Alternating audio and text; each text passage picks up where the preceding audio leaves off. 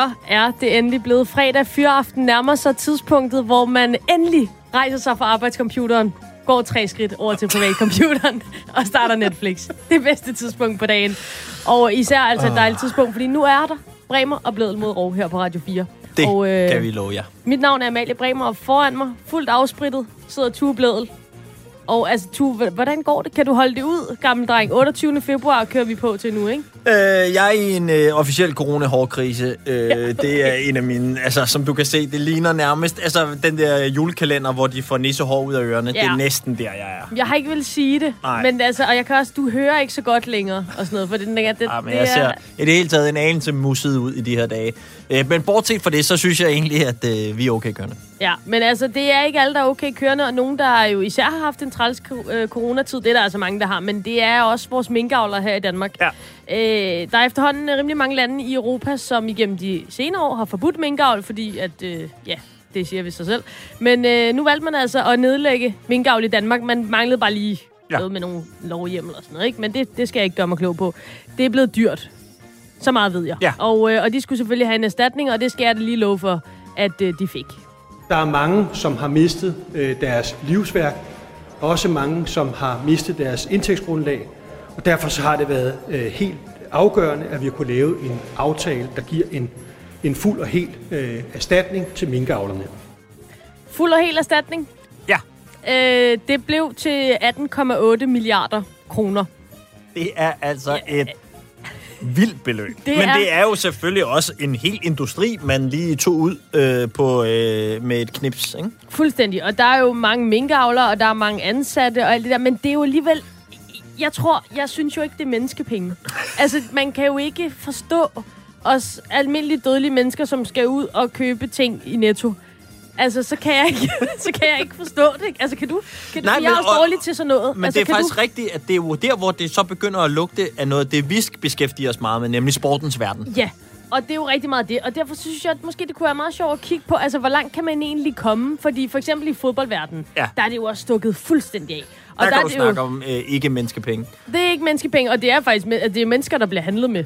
Øh, men ikke, ikke desto mindre. Altså, lad os tage for eksempel verdens dyreste fodboldspiller. Mm-hmm. Brasilianske Neymar. Han kostede 1 milliard og 651 millioner, da han skiftede fra øh, FC Barcelona til Paris Saint-Germain i 2017. Heller ikke rigtig menneskepenge, vel? Nej, og, og god gamle Neymar, handlede af Qatar. Det er også, øh, som sponsorerer PSG. Jamen, det er det ikke. Og, og det er PSG fodbold, når det er flottest. Ham. Og der kan man sige, altså de her 18,8 millioner, som minkavlen har fået, det er meget svært at forholde sig til. Milliarder. Ja, milliarder, undskyld for søren. Øh, så, så det er svært at forholde sig til. Men når man så siger, at det er øh, 11 og lige knap en halv Neymar. ja, hvad kan de bruge det til? Hvis de fik 11 Neymars, de det måtte det. fordele sig imellem her. Så jeg tror ikke... Hvor, det kunne være, det var en større trøst. Jeg ved det ikke. Så har man, om ikke andet, kan man altid lige stå op om morgenen, kigge ud der, hvor man engang havde sit minkavl, ja, ja. og så står Neymar bare og jonglerer. Ja, og så har man lavet rundt om jorden hele dagen lang. Ikke? Man kan også sige, det er jo faktisk, altså 11 og en halv, det er jo faktisk et helt hold. Ja. Jeg er ikke sikker på, at det vil være et rigtig godt hold. Øh, de vil ligge meget ned, tror jeg. Og jeg ved ikke, hvor, hvor godt de vil være defensivt. Men ikke desto mindre, så kunne man faktisk stille op med et hold, jeg vil, øh, ude i klovermarken, altså. TV-rettighederne vil blive solgt, tror jeg, fordi ja, det, det er sådan nogle, de ender 24-23 hver gang. Og man kan sige, øh, 18,8 milliarder, mm. ingenting, når vi snakker VM i Katar. Mm. Det er faktisk kun øh, lige knap en 12. del af de 220 milliarder, som det koster at holde VM i Katar. Ja, AKA altså, the best World Cup ever. Mr. Tawadi, altså Infantino. main man, når det kommer til VM i Katar, han bøjer sig ikke engang ned på gaden, hvis der ligger 18,8 milliarder. Nej, nej, nej. Præcis. Så altså, øh, jeg må bare sige desværre, altså det var ikke gode nyheder til minkavlen, det her. De kommer ikke langt for de penge i fodboldens verden. Det gør de altså ikke. Nej. Spændende at se, hvad de så kaster sig over. Ja, det synes jeg også. Det øh, må tiden vise. Her i programmet i dag, der skal vi jo også tale rigtig meget håndbold. Øh, fordi at det har der været sindssygt meget af jo. Altså virkelig, øh, altså... Øh, det begreb, som TV2 har født og proppet ind i hjernen på os alle sammen, det blev for alvor ægte i den her uge. Håndboldfeberen raser. Ja. Det er for første gang nogensinde i verdenshistorien, er det rigtigt. Ja. Øhm, efter den kvartfinale der. Nå. Øhm, og altså, øh, alle går op i håndbold, øh, og, og ikke kun i Danmark, øh, på hele kloden, især i Ægypten, i hvert fald, hvis man spørger TV2, som jo under Danmarks kvartfinale mod netop Ægypten fik meldt ud af håndbold, simpelthen af nationalsport i det afrikanske land. Det er der så nogle andre bagefter, der har lige sådan hejst et lille flag og sagt, jeg ved ikke, jeg tænker, altså det er noget med, at der er en rimelig populær Ægypter over i en fodboldklub, der hedder Liverpool FC. Ja. Øhm, men altså, nu skal vi ikke hænge os i detaljer på den måde, fordi der er håndbold-VM, og det er vi rigtig glade for ja. her i Danmark. Så hvis vi siger, at de er glade for, at de er i Ægypten, så er de glade for, at de er i Ægypten. Der var dog nogle onde tunger på Twitter, der sagde, at Mohamed Salah havde flere Twitter-følgere end, end Ægypter, der gik op i håndbold. Øh, men ja. Nok om det. Vi er helt med på, at man, vi tager det lidt mere loose på det der med, hvad er en nationalsport. Og derfor tænker vi, så vil vi også være med. Jamen, den er jo åbenbart lagt ud. Ja. Altså, der, der er bare ud, altså, udbudsrunde, hedder det sådan noget. Man kan bare byde ind. Frit slag. Ja. Øhm, så i dag her i øh, programmet, der er der altså også åben for sms'en. Så byd ind med, hvad der er din nationalsport. Øh, det er åbenbart et meget, meget frit begreb. Så nu er der også plads til, at vi hører, hvad din nationalsport er. Det er som altid på øh, sms'en 1424. Husk at starte din besked med R4. Øhm, og så øh, send den afsted til os. Og jeg kan da lige lægge for med min nationalsport, ja. som i hvert fald helt sikkert øh, indebærer kast krøllet papir mod øh, skraldespand. Okay, Der er jeg lært. altså, øh, tro mig, uhyggelig skarp. Er du, du er også gammel basketspiller? Den sidder, altså jeg rammer bedre på det, end jeg gør i en basketkur. Okay, vildt. Altså, jeg tror, jeg er ude i noget... Øh, enten er vi ude i noget ølbowling, oh, ja. eller det kunne også være øh, carbonara-lavning. Jeg lavede en rigtig god carbonara i går. Det må jeg bare ja. sige. Øh, men jeg lander jo selvfølgelig på bordfodbold. Ja, og det er klar. hermed sagt nu Danmarks nationalsport, og sådan er det. Den kalder du, okay, jeg skulle lige til at byde ind med noget til Notting Hill. Øh, der er jeg altså også virkelig god. Ja, okay. især når vi når til, I'm just a girl standing in front of a boy.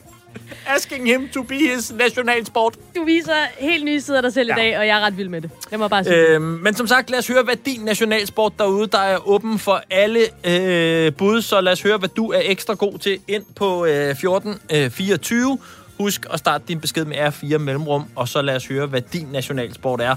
Øh, vi glæder os rigtig meget til at høre fra dig, og vi skal nok vente øh, senere i programmet.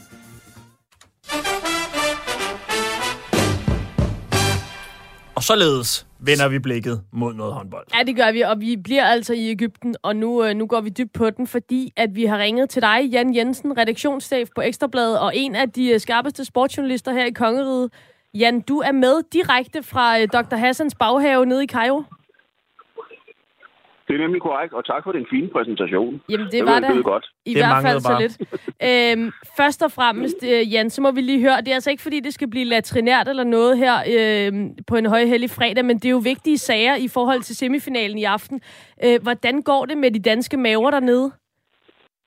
Jamen, det går, det går godt nu. Uh, vi var til pressemøde i går, min kollega Jan Kjeldtoft og jeg, og vi snakkede blandt andet med Nikolaj Jakobsen, jo, som en af dem, der, en af dem, der er ved hårdest ramt sammen med Mikkel Hansen. Og øh, han havde det godt, øh, og det her, det har alle de andre også. Så i aften skulle der ikke være nogen problemer, i hvert fald ikke på den led. Vi har også lige fået at vide, at alle igen er testet negative, fordi øh, de bliver jo testet hver eneste dag, spillerne og den danske trup. Vi andre bliver testet hver tredje dag. Vi er også lige blevet testet i dag, og vi har også indtil videre været negative. Så der skulle ikke være noget til hinder for, at vi får en god håndboldkamp i aften.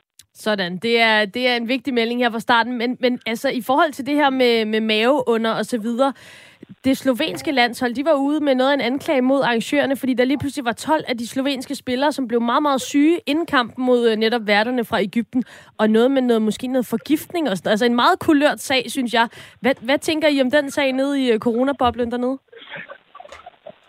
Jamen, det, det, var jo en, det var en voldsom udmelding, men det var jo ikke kun Slovenien, der var ramt. Der var jo mange øh, hold, der var ramt. Altså, Kroatien har været ramt, Danmark har været ramt, øh, Chile har været ramt. Der var faktisk øh, ret mange, og det var jo stort set alle sammen på samme tidspunkt. Og, og der er jo ikke der er jo ikke nogen i den danske lejr i hvert fald, der tror på, at nogen er blevet forgiftet med vilje. Øh, altså, jeg synes, altså, slovenerne, de var, de var virkelig hårdt ramt, men altså, hvis det skal være en undskyldning for deres nederlag, så vil jeg sige, så skulle de kigge på deres eget spil. Altså, fordi de, det var jo dem selv, der solgte den kamp mod øh, Ægypten. Så det blev sådan lidt en mærkelig øh, efterfølgende, når man snakker om, at de har fået smuglet pizza ind udefra. Og, og jeg skal da love for, at der er mange pizzabakker på gangene her. Øh, og det var der især op hos det egyptiske hold, for jeg boede på samme gang som det egyptiske landshold, og der flyttede de med pizzabakker efter deres kampe.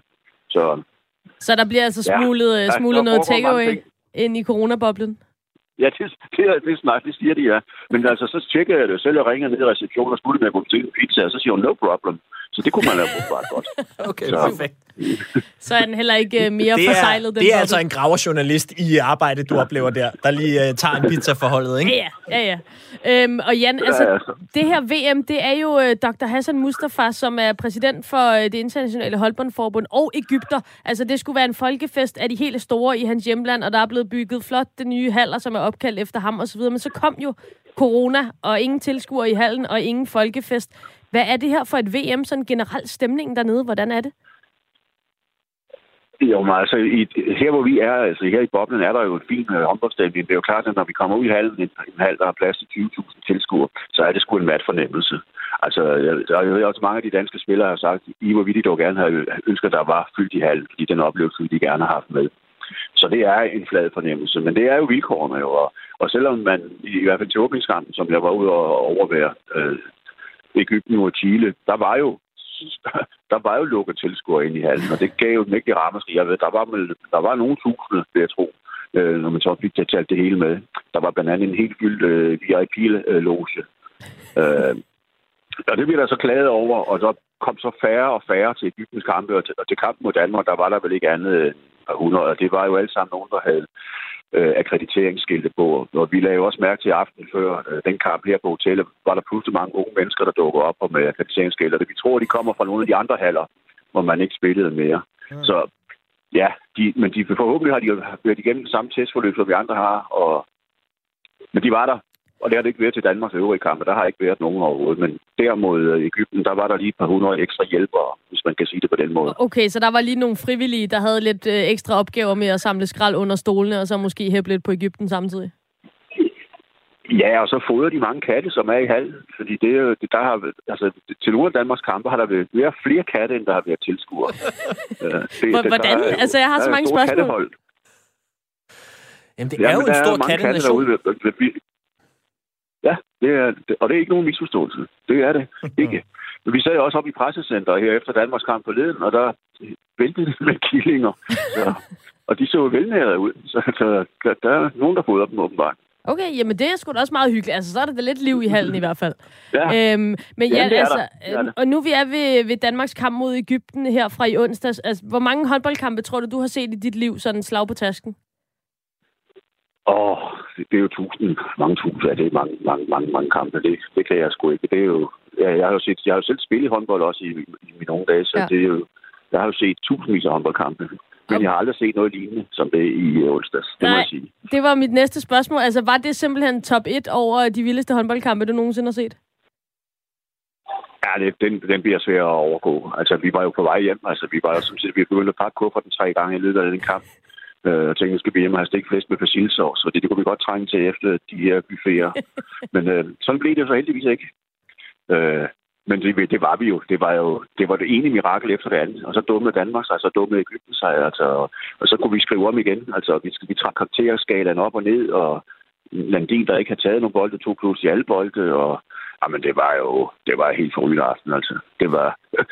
Jeg tror, ja, nej, jeg har ikke oplevet noget lignende. Jeg har oplevet mange finaler og sådan noget, og, og øh, ja, der var også en, en, en, en kvindernes øh, OL-finale i Athen, var jo også ude i to omkampe og straffekastkonkurrence, inden den blev afgjort. Men, øh, men det var jo ikke helt på samme måde som det her, fordi der bare var så mange fejl pludselig, og som, som vendte kampen fra det ene sekund til det andet. Det var, ja, det var fremragende og underholdning. Og øh, nu er det her VM jo langt fra færdigt, men hvis vi alligevel skal prøve at gøre en eller anden form for status på, altså øh, i hvert fald historien om også netop øh, Dr. Hassan, altså øh, præsidenten i International Håndboldforbund, og i hvert fald det billede, jeg har af det her VM, som at det skulle være hans øh, Øh, altså virkelig præmiebedrift, en, i et sidste statue, han nærmest hejste af sig selv i form af den her, det her VM-slutrunde i, i hans eget hjemland. Hvordan vil det blive husket, når vi ser tilbage på det, Jan? Fordi det har jo både været med store kampe, men det har også været med spillere, der nærmest øh, nægtede at møde op, på grund af, at de synes, det var for utjekket, og øh, hele det her med flere hold, der må trække sig, og vi var også inde i misæren omkring øh, USA, der skulle have haft en plads frem for Grønland og så videre til at starte med. Hvordan bliver eftermælet på den her turnering, tror du? Jamen, det bliver jo rådet. Altså, det er der jo ingen tvivl om. Det er jo også, altså, det er klart, det her vil jo blive husket for netop, fordi det er under den her coronatid, ikke? Og, øh, og som du siger, det her var jo, altså det, der, man kunne se ligesom en ring, der sluttede med det her VM. Han blev valgt i 2000 som præsident for det internationale håndboldforbund, og i 99 var der VM i, at, i Ægypten. Nu skaffede han så et nyt VM til Ægypten her øh, øh, på 20 år for hans øh, første valg.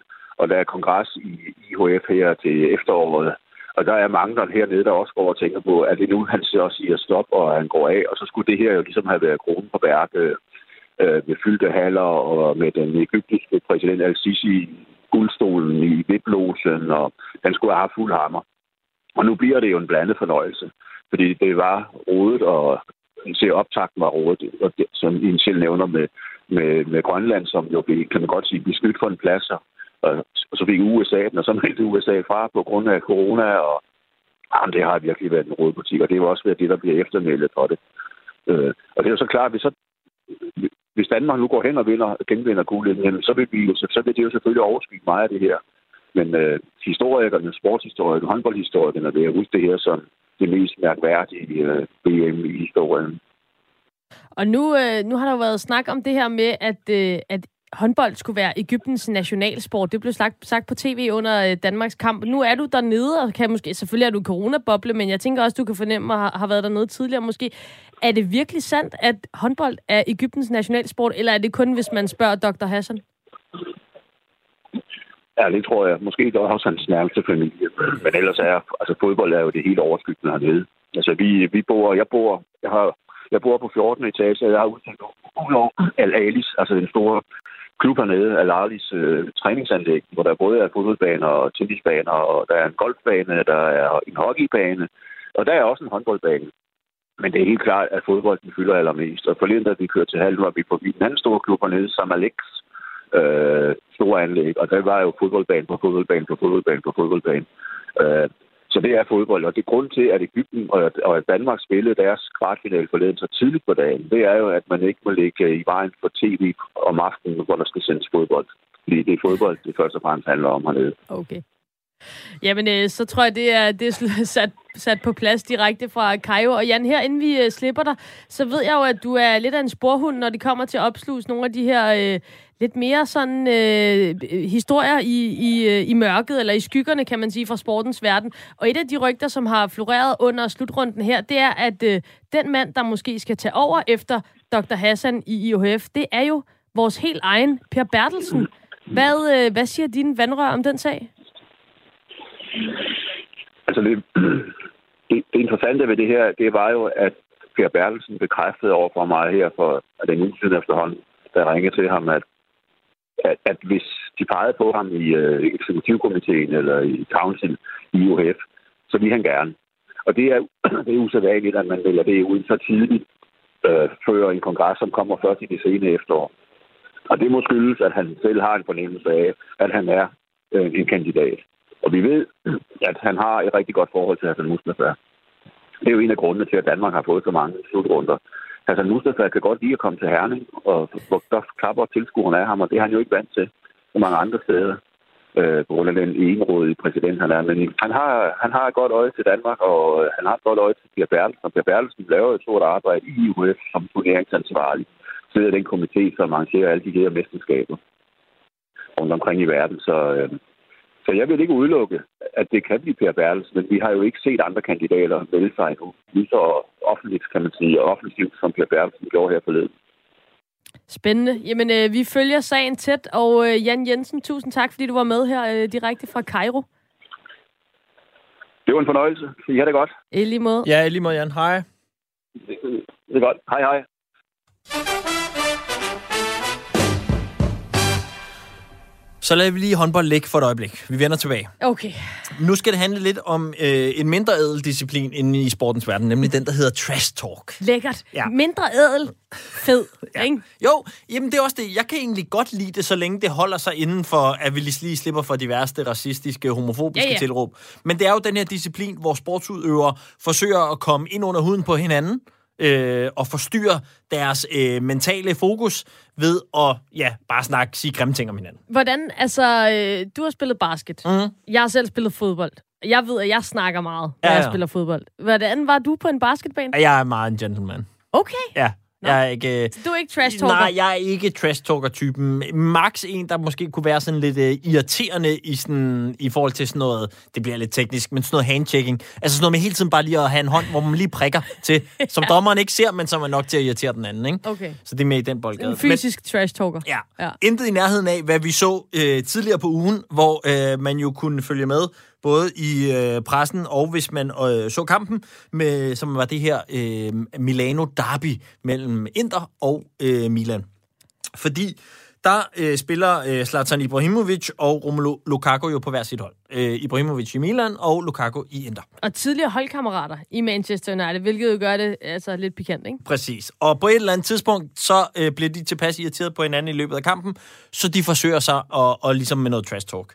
øhm, og øh, Zlatan ligger selvfølgelig for, vi kender Zlatan, øhm, og kaster sig ud i en reference, der går tilbage til 2018, og noget skriverier, der har været omkring, at Lukaku han rent faktisk øh, lytter til at bruge voodoo til at tage meget vigtige beslutninger. Vi kan lige prøve, der er jo nogle optagelser fra stadion, de er sådan lidt grødet, men fordi der ikke er så mange tilskuere, så kan man godt lige fange, at der bliver sagt noget. Vi kan lige prøve at høre Zlatan først her.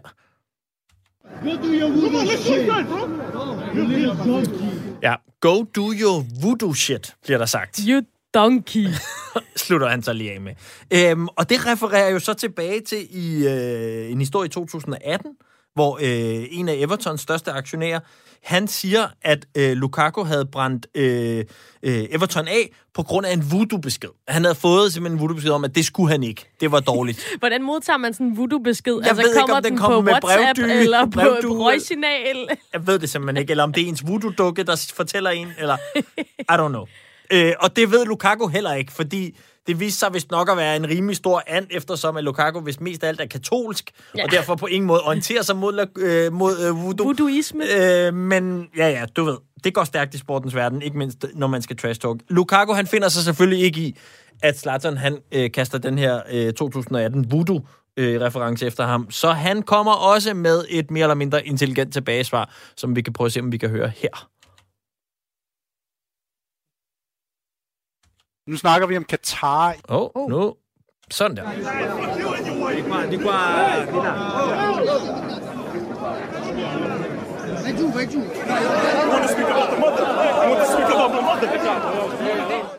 Ja, først og fremmest, uh, fuck you and your wife, lægger han ud med, ja. og så er der lidt palaver, og så noget med, at fordi at Zlatan åbenbart havde sagt noget med hans mor også, hvilket mm. jo selvfølgelig er en klassiker i trash talkings ja. verden, uh, uanset hvor man er henne, uh, at det er han heller ikke specielt interesseret i. Nå, de får op godt og grundigt af hinanden, og bliver hævet hver til sig.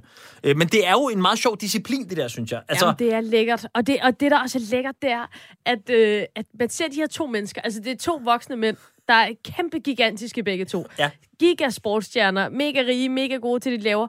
Og så bliver de sådan fanget i det her sådan helt, altså når man sidder og spiller det, go do your voodoo shit, you donkey. Altså, det er jo helt åndssvagt, men jeg, men jeg er tror, vild det... med, at de lader sig rive med på ja, den måde. det er det, altså. det er jo det, man godt kan lide ved det. Det ja. er, at der helt tydeligvis ikke kun er gået øh, PR-sportsagenter og øh, millioner i det. Altså, der er stadig noget fodbold nede på den helt lokale bane dernede, Ej, hvor, altså, som, kan, som, kan, som kan komme frem. Og hvis vi skulle finde noget godt ved, at der ikke er tilskuere på stadion her under corona, så er det jo det her med, at man faktisk kan høre rigtig meget, hvad spillerne siger. Både ja. hvis man øh, går op i taktik og så videre, kan man, kan man høre ret meget, hvordan de bevæger sig rundt og kalder på hinanden. Men også nogle af de her ting en gang imellem med trash talk. Det er jo altså helt forrygende, vi kommer ind i her. øh, med, med Lukaku, der simpelthen sviner Slatans kone. Altså, det er, jo, det er jo helt mærkeligt. Og som du selv siger, der findes jo mange måder, man kan intimidere sin modstander på. Mm. Øhm, og du er jo selv, som du selv er inde på, spillet rigtig meget bordfodbold. Ja. Øh, og er øh, altså øh, mange, mange, mange, mange, mange, mange gange verdensmester. Ja, og Danmarksmester. Og har pokaler. Altså, så, jeg har fået at vide så mange, at du ikke ved, hvad du skal gøre af dem. Du har lovet at give mig en af dem, fordi ja. du har vundet så mange. Ja. Øhm, og jeg har gået og grublet lidt over, kan vide, hvad for en type du var som bordfodboldspiller. Ja. Og så har jeg lavet lidt research. Okay. Øhm, oh.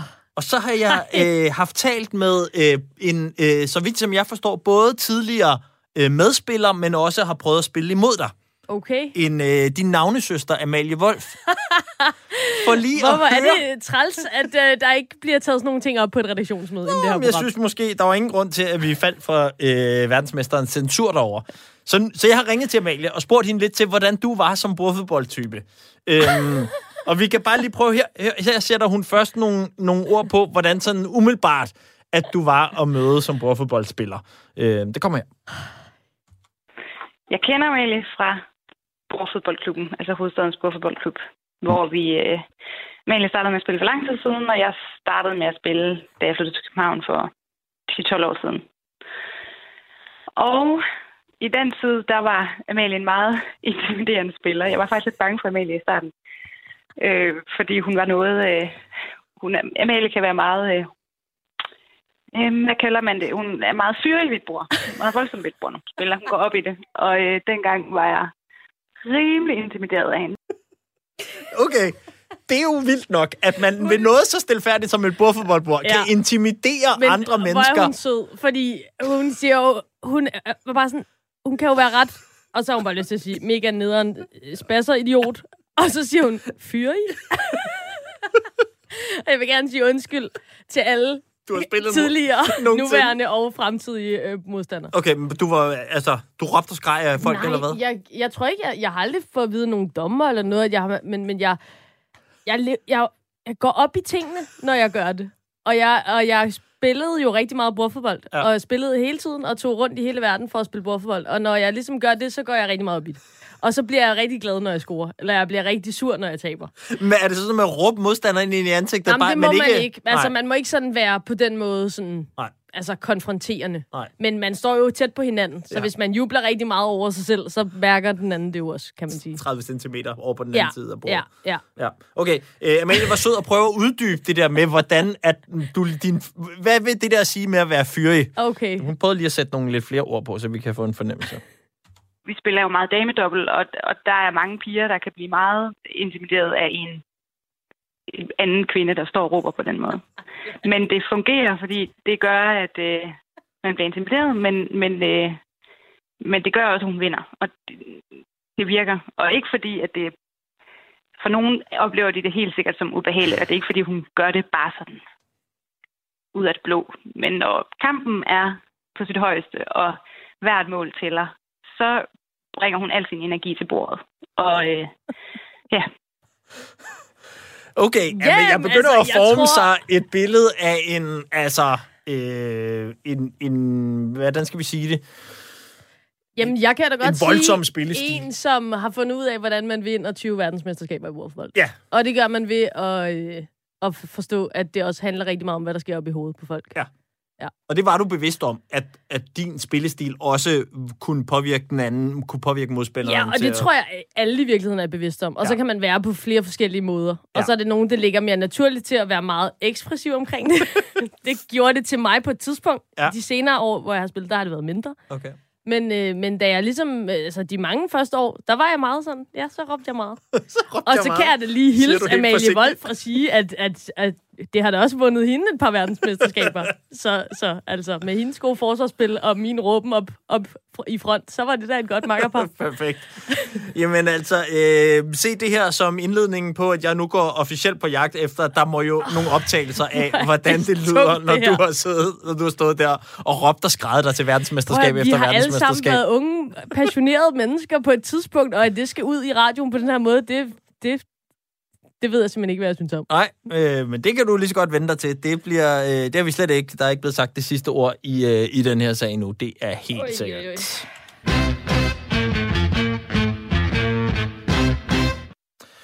Således øh, tilbage til øh, håndboldfeberen.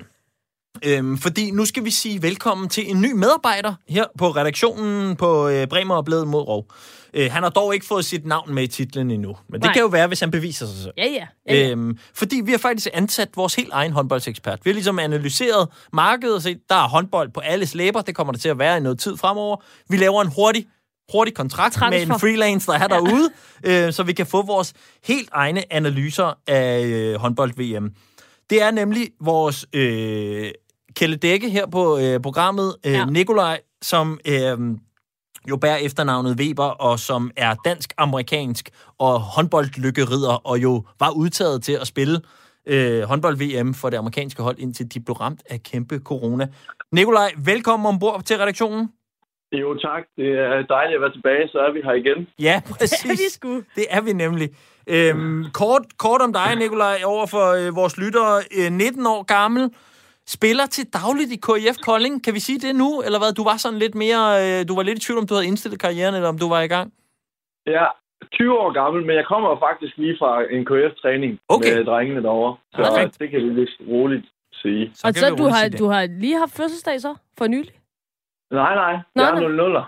Nå, nå, Stærkt. okay. Ja, ja. Øhm, og Nikolaj, øh, vi har jo talt rigtig meget med dig, fordi du på grund af det her dansk-amerikanske statsborgerskab og en øh, meget vellykket video-audition, som din kammerat optog, øh, var, var meget, meget tæt på at skulle spille håndbold-VM øh, for det amerikanske øh, landshold. Men nu ja. øh, er det så vores held, at I blev ramt af corona, fordi så kan vi i stedet øh, ansætte dig som vores øh, ekspert. Og øh, man må sige, du, øh, du blev altså smidt lige for løverne, fordi det var jo en rimelig vild kvartfinale. Hvor så du den egentlig hen? Ja, det skal jeg love for. Jeg så den nede ved øh, min gode ven, som jeg arbejdede på chokoladefabrikken med sammen med en af mine andre venner. Så sad vi lige nedenunder ved ham. Øh, og øh, hjertet pumpede bare i 80 minutter af den håndboldkamp. Jeg ved slet ikke, hvad jeg skulle sige. Hvad tror du cirka, Nikolaj, at du råbte der, da Landin han snupper det der sidste straffekast? Øh, jamen, først, faktisk så sad resten af hans familie ovenpå, og deres tv var bagud et minut, så jeg skulle vente et minut med at råbe og skrige.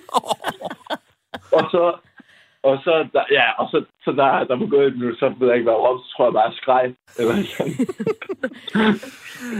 Okay, øh, Nikolaj, når du så tager dine øh, håndboldfaglige briller på, ja. hvad lærte vi så egentlig om det danske hold i den her meget sindssyge håndboldkamp?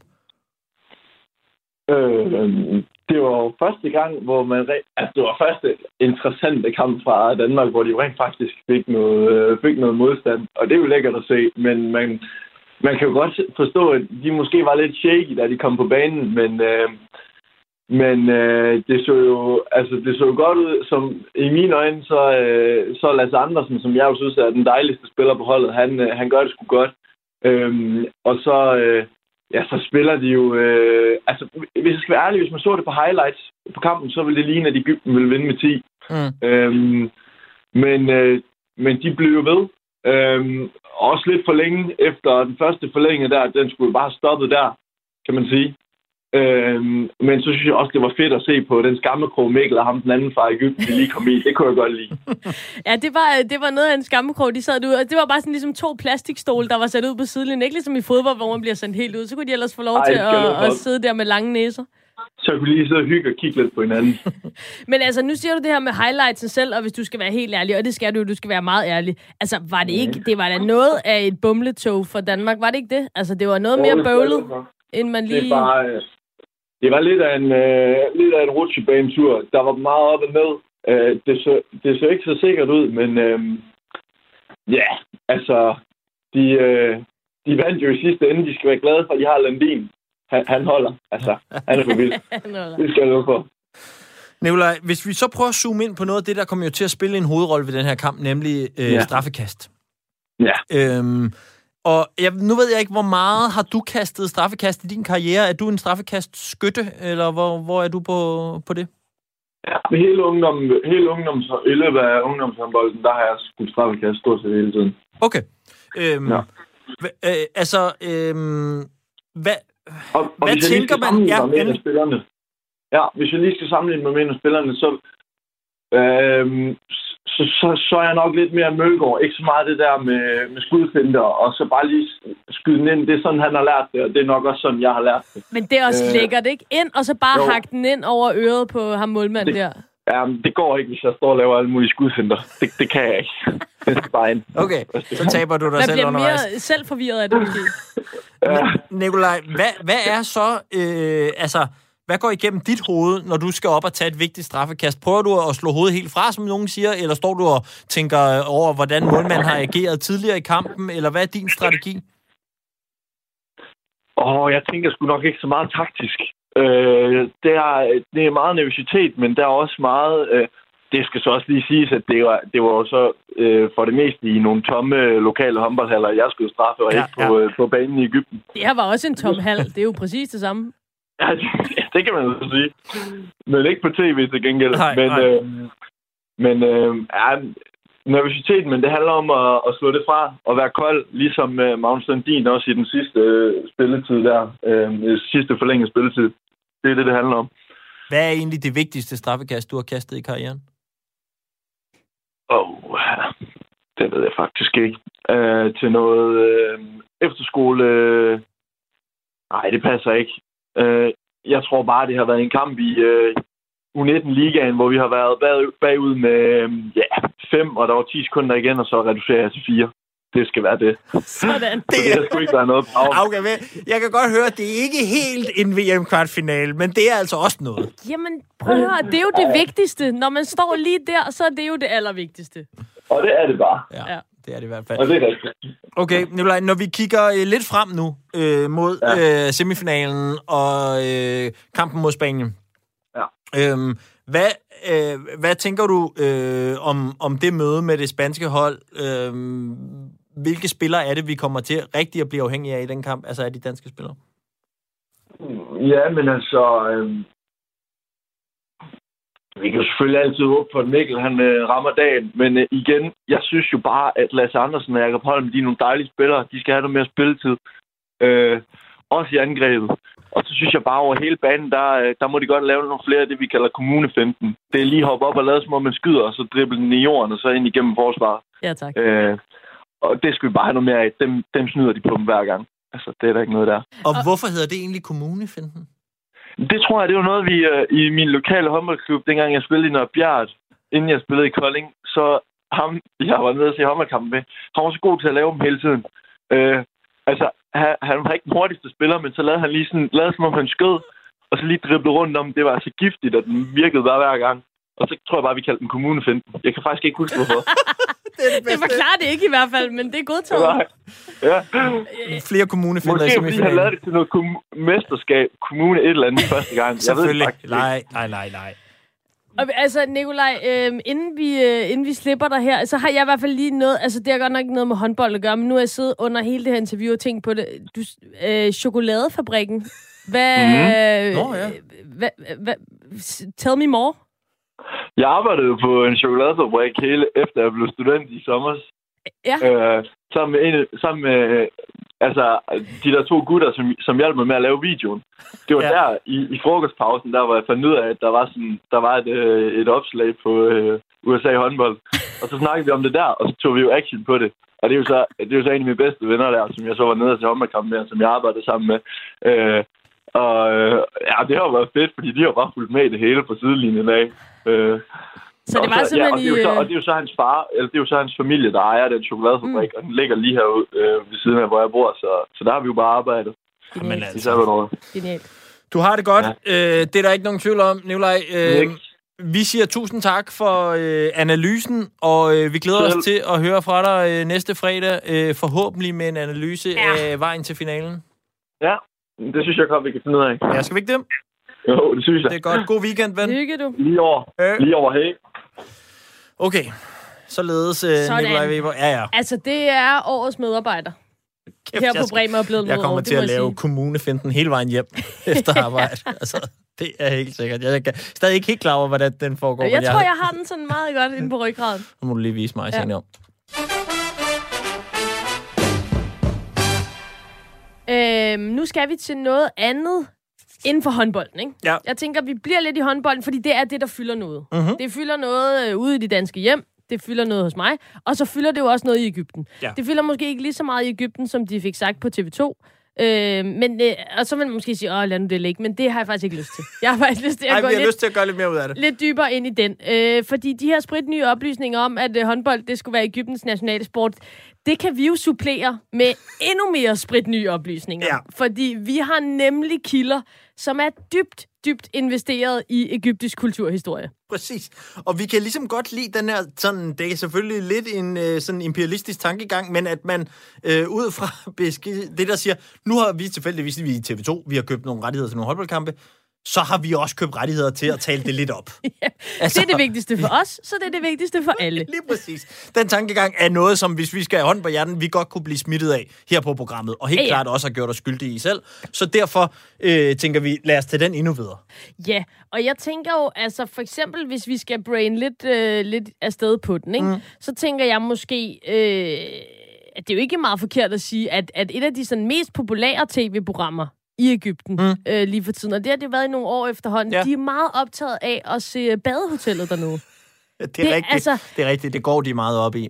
Jamen, det er, og, og da det også brændt ned på et tidspunkt, var en stor historie dernede, som lagde, Kæmpe, lå kæmpe. meget på sinde, og de startede øh, indsamlinger og alt muligt. Ja. Så det, det må man sige, der, de, altså, de står ikke tilbage for ligesom at embrace den danske kultur. Det gør de altså ikke. Når de ikke lige ser vild med dans, så ser de meget badehotellet der. Ja, det men gør de Man altså. kan også se det for sig, ikke? Altså en vandpibe op med fødderne, og så øh, badehotellet på skærmen. Det er ja. En god kombi. Og, men de kan bedst lide uh, Britt Bendiksen.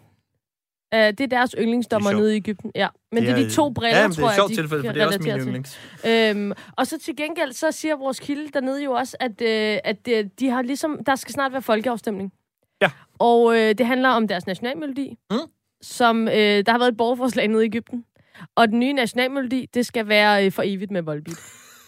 Jamen, det er Det vil sjovt. folket have dernede. Det er sjovt, men det hænger jo meget godt sammen med deres nationalsport håndbold, fordi det er jo en stor, stor slager ja. I håndboldhallerne ja. Øh, rundt om, øhm, og selvfølgelig også i Ægypten, hvor man, når man kommer hjem efter sådan en hård, hård omgang i håndboldhallen, er dejligt at sætte sig med øh, en stor tallerken af nationalretten dyrlæns natmad. Jamen, det er, og det er, Altså, jo ikke, det- altså, det er jo ikke os, der sidder og finder på de her Nej, ting. nej, det nej. er jo Nej. simpelthen, og hvis man kigger i nogle meget gamle papyrusruller, for eksempel dernede fra, som de jo finder nogle gange inde i Giza-pyramiden og sådan noget, ja. så kan man jo se afbildninger af, øh, også, altså malerier på, eller hvad hedder sådan nogle indtegninger på ind, altså, altså hieroglyffer, og så folk, der sidder og spiser dyrlæns natmad. Sådan var det i det gamle Ægypten. Ja, Det, det, det var øh, det. det står helt klart. Og noget, som jeg vil sige, og det er jo, altså, det er jo det så geologer, der har været inde over her, og det er jo faktisk, at hvis man kigger, og det er jo noget med, at man kigger på de tektoniske plader, som jorden ligesom er Ja. bygget op af, og der kan man se, der har jo været mange forskydninger hen over årene. Ja. Men i virkeligheden, så forholder det sig faktisk sådan, at Nilen, den er udsprunget i Odense Å. Nej, Vidste stop. du det? Nej, nej, det gør jeg ikke. Nej, og det er jo lige, hvor TV2's hovedkvarter ligger. Det er sjovt. Og, der, og, så, og det er jo også der, hvor Mos, han ligesom blev splittet... fundet. Nå, Altså i en lille kurv. ja. Når jeg har hørt, at det var slet ikke... Men det, øh, øh, den person, der lå i den kur, har jeg hørt, var Jesdorf. Det er det ikke. det er rigtigt. Det er altså... Står det også inde i Giza-pyramiden? Nej, ja, det har jeg så... Øh, altså, det, har, det kommer fra Morten Ankedal. Øh, det har han simpelthen... det har han hørt. Øh, nå. Det er nogle sjove tilfælde. Øh, det er bare for at sige, at verden drejer rundt, og den drejer altså rundt om håndbold. Og, Og det er ikke noget, vi finder på. Nej, det Men er altså, det hvis der er nogen, der har andre kilder, så er de jo velkommen til at byde ind. Det er det, vores kilder fortæller os. Ja, det tager vi meget gerne med. Nå, øh, noget som jeg synes er... Øh, ja, du kan stoppe. Der er ikke mere Ægypten i det her program overhovedet. Nej, det er der ikke. Ah, fordi noget af det, som øh, virkelig er spændende for tiden i sportens verden, det er det her forhold, der er mellem øh, sponsorer og sport. vi kommer aldrig videre på det her. Jeg tager en jingle mere, og så er vi færdige med Ja, det. så er vi færdige. Godt. Sponsorer og sport, et øh, parforhold, som øh, går op og ned øh, i øh, de her tider. En aktuel sag lige nu er jo Skoda, Ja. som øh, har trukket sig fra at være hovedsponsor ved det her års VM i ishockey, øh, som skulle afholdes i Hviderusland. Øh, stedet, hvor Europas sidste diktator for tiden øh, kører et rigtig stort opgør med sin befolkning, efter endnu en gang at have snydt sig til en valgsejr, øh, Mr. Lukashenko. Og øh, på et eller andet tidspunkt, så er det her blevet for meget for Skoda. Ja. Så de var ude øh, i sidste uge og sige, vi har været en stolt partner til VM ishockey i over 28 år, og, men vi har det bare sådan, at vi respekterer og støtter også menneskerettighederne. Derfor vil Skoda trække sig som sponsor for VM i 2021, hvis Hvide Rusland bekræftes som medvært for øh, begivenheden, skrev de på det tidspunkt. Og siden da er det så altså blevet besluttet, at derfor skal Hvide Rusland ikke afholde øh, VM i øh, ishockey. Men der det er, no- er jo, altså, jamen, det er jo bare lige, altså, jeg synes, det er jo en, en enormt spændende del af det her med, med sportspolitik og sportspolitiske spørgsmål, fordi Skoda er en stor virksomhed, som lægger logo og har gjort det i rigtig, rigtig mange år til VM i ishockey. Altså, de har sikkert stolpe op og stolpe ned ja, ja. af CSR-politikker og menneskerettigheder og gode formål, som de støtter til, og branding, og hvad ved jeg. Og så lige pludselig, jamen, det nytter da ikke noget, at vi står over det hele plastret øh, øh, øh hvad hedder det, i, øh, i Lukashenkos øh, baghave. Så det er jo spændende i forhold til, kan de påvirke de her beslutninger omkring, hvor skal slutrunden ligge, hvad skal pengene gå til osv. Også fordi, at der jo løbende er den her diskussion, også især når man spørger nogle politikere, om de har tænkt sig at gøre noget ved nogle af de her øh, slutrunder, der ligger øh, nogle steder, hvor at der måske er lidt tvivl om øh, menneskerettighederne, at så er det ofte også, at de spiller enten over på de lokale, eller på sportsforeningerne, Mm øh, og også nogle af selskaberne. Øhm, nå, men det, jeg har faldet over i mellemtiden, det er så øh, vores kollegaer på Radio 4's erhvervsmagasin, Selskabet, som også har været nede i den her sag, og ligesom taget de erhvervsmæssige briller på og sagt, okay, hvor stor en udfordring er det her i erhvervslivet, hvor man jo ofte gerne vil bruge øh, altså en fodboldtrøje eller en bandereklame til at sponsorere. Mm. Øhm, hvordan manøvrerer man i den jungle, det er, i forhold til, hvornår kommer ens navn så til at medvirke i noget, som egentlig ikke øh, matcher ens værdier. Øhm, og øh, altså, jeg synes i øh, første omgang, at vi lige skal høre Kim Nør Skibsted. Han er direktør for Grundfosfonden i øh, Bjerringbro, og altså også dem, der ejer øh, den store danske virksomhed Grundfos. Og de sponsorerer både herre- og damelands håndboldlandsholdet, og også Bjerringbro Silkeborg øh, håndbold. Øhm, og han øh, fortalte lidt i, øh, i Erhvervsmagasinet her om, hvad, hvad deres syn på og det her med at være øh, sponsor i øh, sportens verden, hvad det indebærer i de her tider. Det er drønhammerens svært, og, og, og man gør det jo hver eneste dag. Altså bare tænk på, hvad, hvad mange danske virksomheder har været igennem de sidste fire år i USA. Altså, der, der er taget også mange, inklusive mig selv, og holdt øje med de der tosser, der gik ind i kongressen. Så tænk, hvis der var en af de tosser, der har haft et grundforslogo på ærmet. Vi havde jo haft en krisesituation. Så det, og, og det var det, Ulrik var inde på. Vi kan ikke forudsige eller planlægge alt. Men der er også det afgørende, som du er inde på, Jens Christian. Hvor er vores kunder?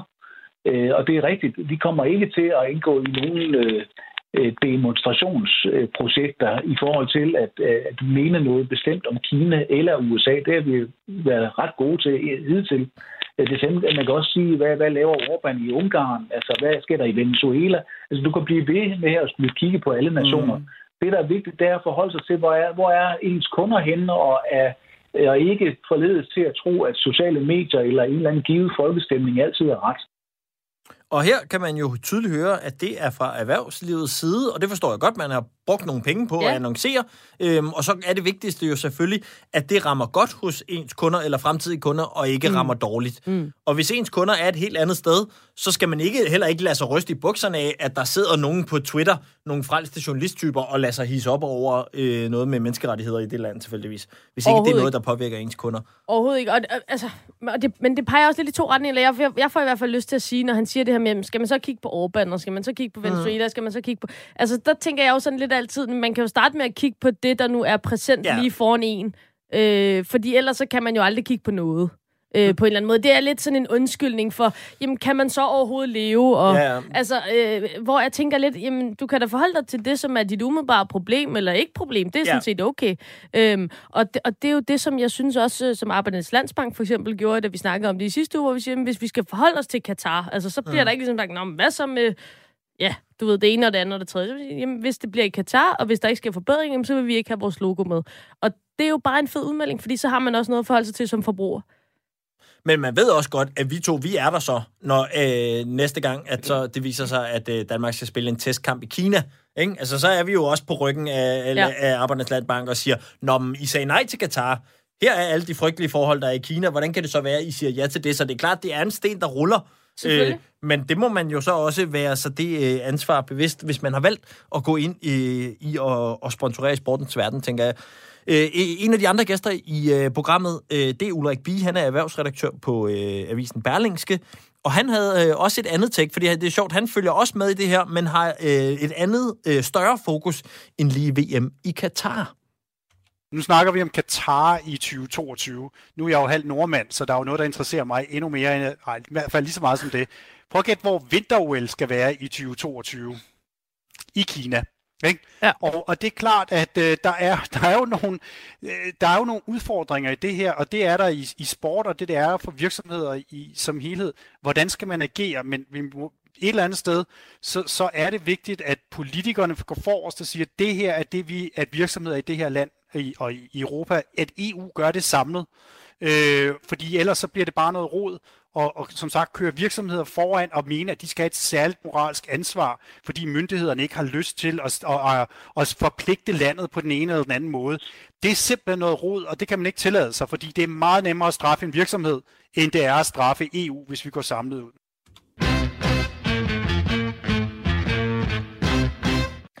Og øh, tidligere i programmet, der spurgte vi ud på øh, sms'en om, hvad... Altså, der er jo frit slag nu for at udnævne nationalsportsgrene, og det kan være ens egen personlige, det kan være Danmarks, det kan være øh, Katars, det kan være øh, Sydsudans, ja. man kan bare fyre den af. Og øh, vi har fået et input fra en lytter, der hedder Lav, som kommer fra Herlev, og han skriver, jeg er blevet rigtig skrab til udfyldning af japansk XXL billedkryds. Nørdet, eller hvad? Det og lyder hvis det er et spørgsmål, så tænker jeg, ja, det er ret nørdet, men rigtig fedt. mega, mega fedt. Ja. Jamen, vi tager udfordringen op øh, og øh, vil afholde en turnering.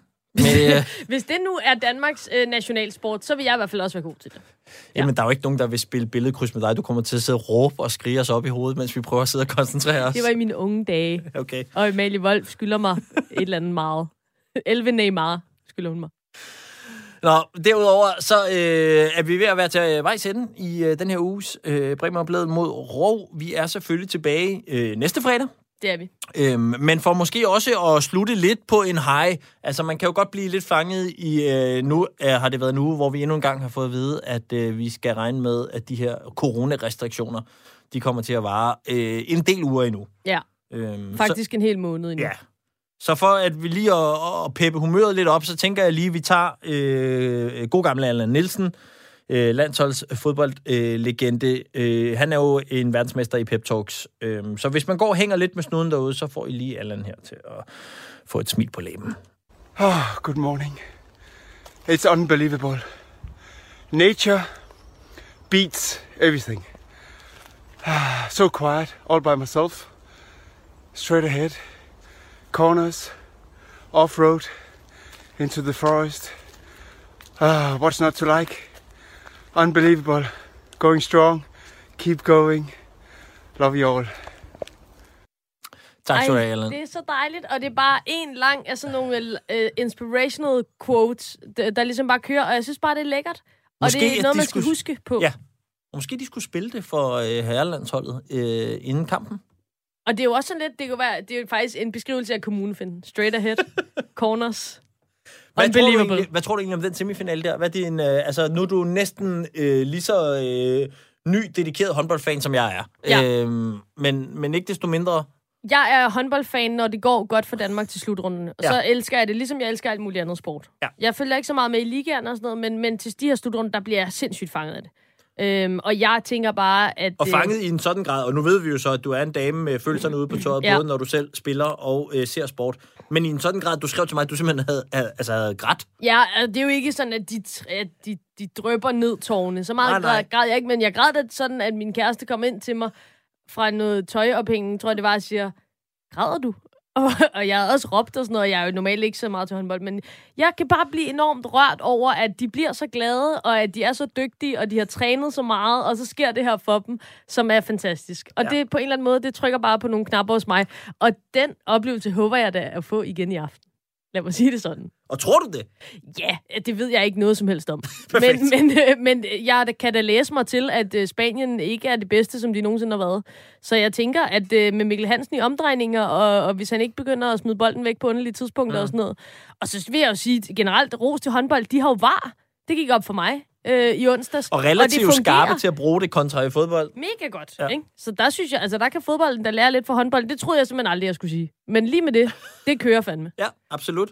Så øhm, hvad Jamen, tænker du? øhm, Altså, du skal se håndbold i aften også? Ja, ja, jeg skal se den, og jeg øh, er også ret sikker på, at øh, det nok skal gå godt, fordi jeg tror, at det her, det var, den, det var lige det der bump, man skal også, når man har haft sådan nem en indledende gruppe, som vi har, og så kommer det gode nu. Øhm, så, så det håber vi på. God fornøjelse til alle, der skal se den, og øh, bliv endelig også hængende her på kanalen, hvor der er masser af god radio til dig efter nyhederne.